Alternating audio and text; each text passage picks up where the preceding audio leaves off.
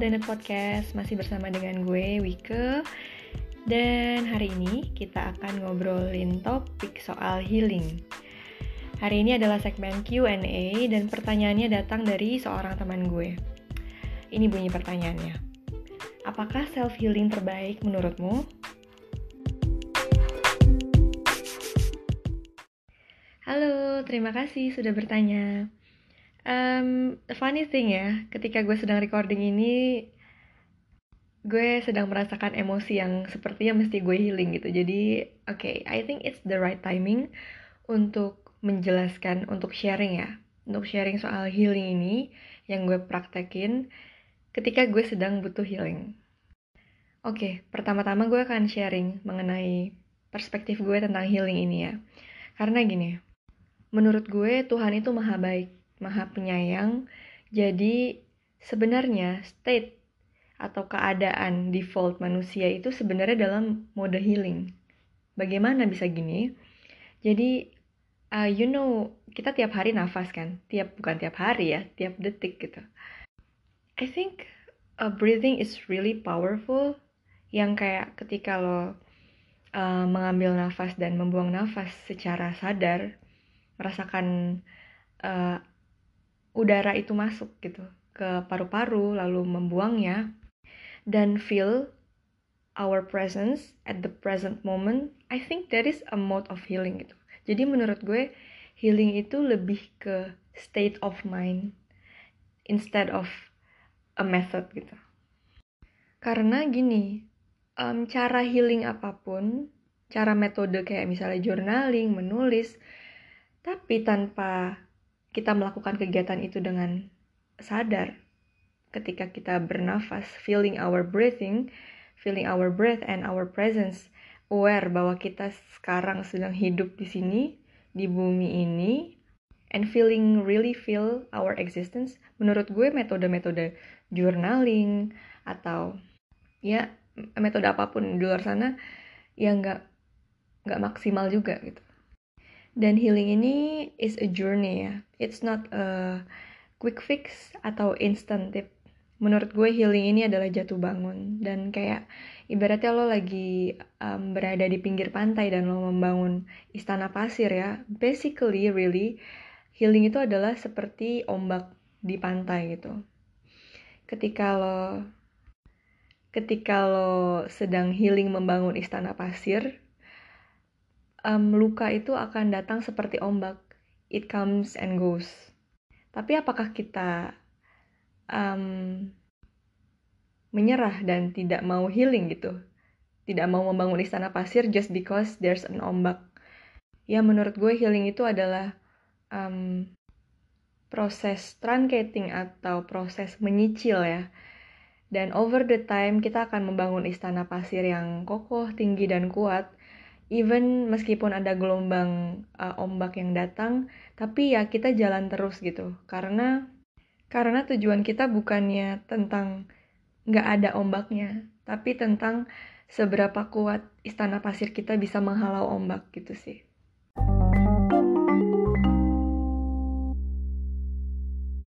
Dan FYI gue ini sebenarnya aslinya itu bukan orang yang spiritual sama sekali.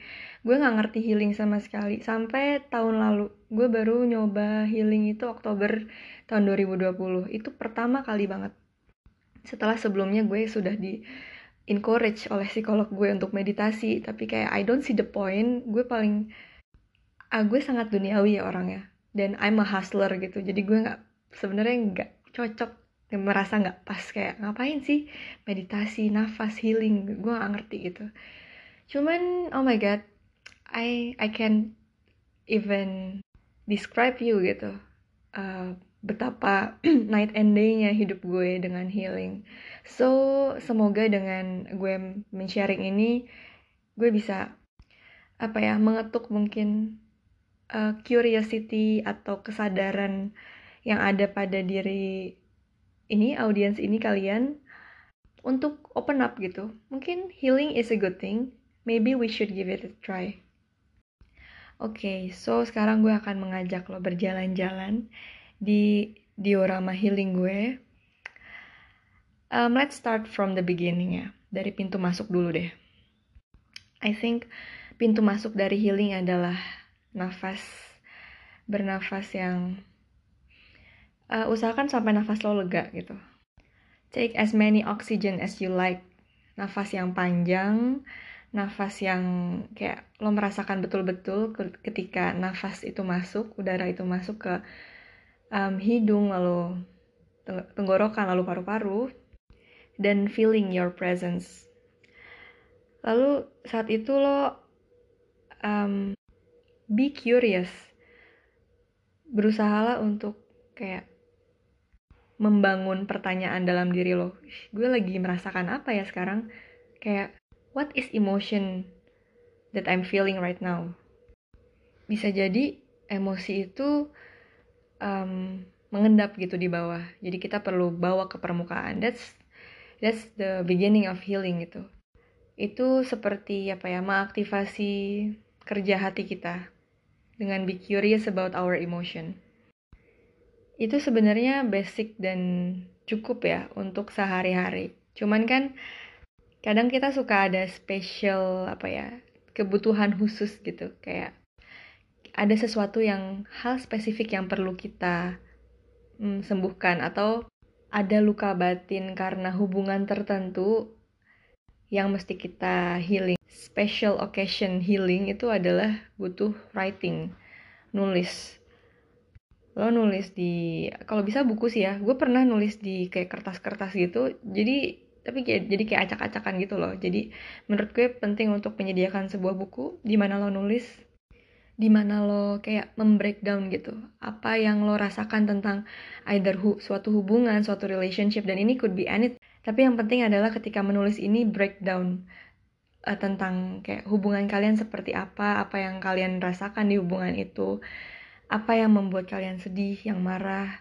Apa yang membuat kalian merasa apa ya butuh gitu kayak merasa terikat di hubungan ini? Kayak gitu sih. Jadi um, really identifying our thought process itu adalah goals dari uh, menulis adalah kayak menjabarkan bagaimana proses berpikir kita. Supaya kalau misalnya ada main block main block yang um, menghalangi di jalan itu bisa kita bisa moving satu persatu.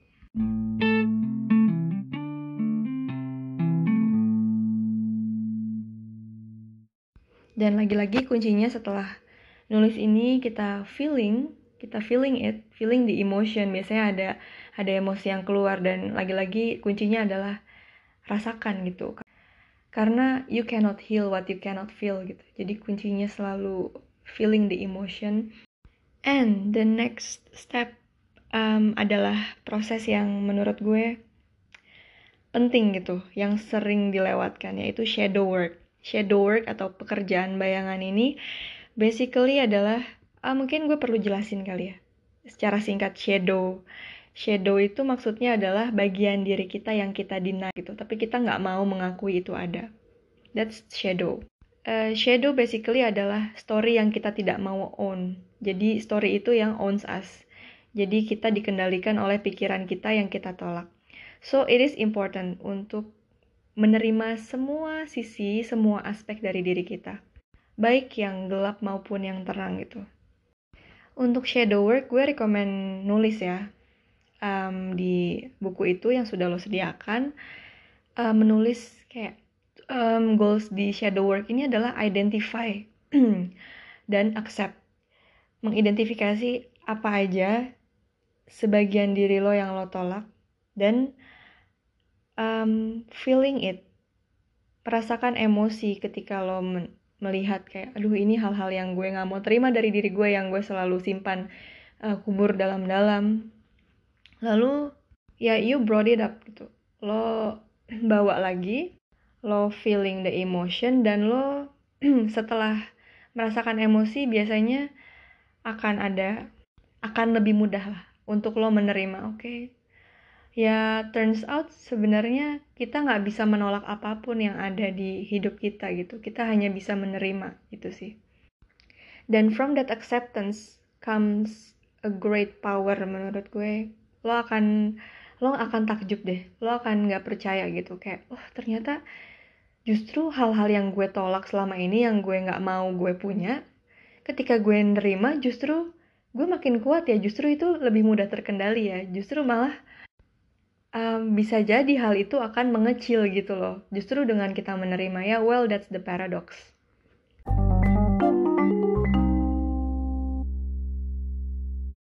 Lalu setelah shadow work ini yang gue suka lakukan adalah reinforcement atau penguatan. Ini simple banget. Cuman tugas tugas di sini adalah cuman jalan dan bernafas. Um, jadi reinforcement ini adalah dengan lo berjalan, setelah lo udah owning your shadow, itu you can walk like literally jalan di lantai terus lo merasakan nafas lo dan owning your story gitu, owning your experience in life kayak semua hal-hal yang lo ada di hidup lo yang sudah terjadi di hidup lo menyadari bahwa lo adalah diri lo dengan semua yang sudah lo alami lo adalah diri lo yang sejati gitu yang menerima semua aspek dalam diri lo. Ini walking while breathing ini bagus banget buat nyembuhin disosiasi. Kalau lo pernah dengar disosiasi itu sem semacam ini kayak um, mungkin coping mekanisme kita pas kecil gitu. Ketika kita dalam bahaya itu kita berusaha untuk mendiskonek kita dari merasakan tubuh kita. Nambing lah nambing coping mechanism gitulah ya intinya ketika lo berjalan dan lo sadar nafas dan lo mengakui semua emosi lo semua uh, apa yang sudah lo lewati itu it's really empowering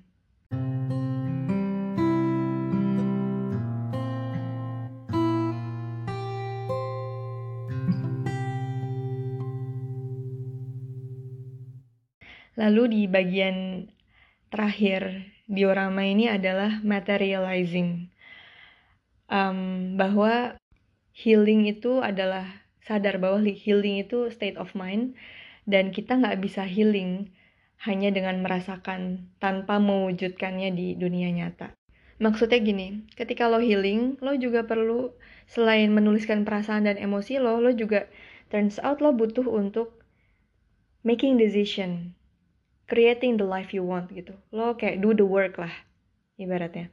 Lo berusaha menciptakan kayak hasil dari healing lo dari apa ya lo yang sudah lebih sembuh dan diri lo yang lebih sejati lo akan lebih tahu apa yang lo mau dan dari situ kayak mulainya adalah uh, mewujudkan apa hal-hal penting dalam hidup lo.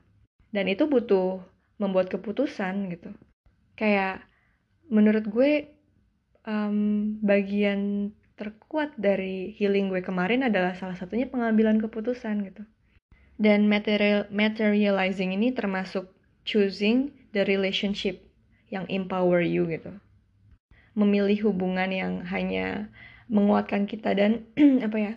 Kita punya hak kok untuk memilah untuk untuk menolak hubungan yang uh, menjatuhkan vibrasi kita gitu juga materializing ini termasuk uh, mewujudkan diri lo ingin seperti apa, which is um, ini out of topic. Cuman mungkin menurut gue gue berubah penampilan itu setelah gue healing itu juga termasuk dari cara gue untuk materializing things karena itu that's part of my healing journey. Yes, jadi itu sekian menurut gue cukup sih um, informasi itu ya. Tapi kalau untuk lebih lanjutnya menurut gue lo bisa uh, banyak sekali sih materi di luar sana, referensi di luar sana gitu. Kalau lo mau healing, dan ya kalau misalnya mau tanya-tanya silahkan langsung DM ke Instagram @wikasuhanda. Dan yes, I hope it answers your question. Terima kasih banyak atas pertanyaannya.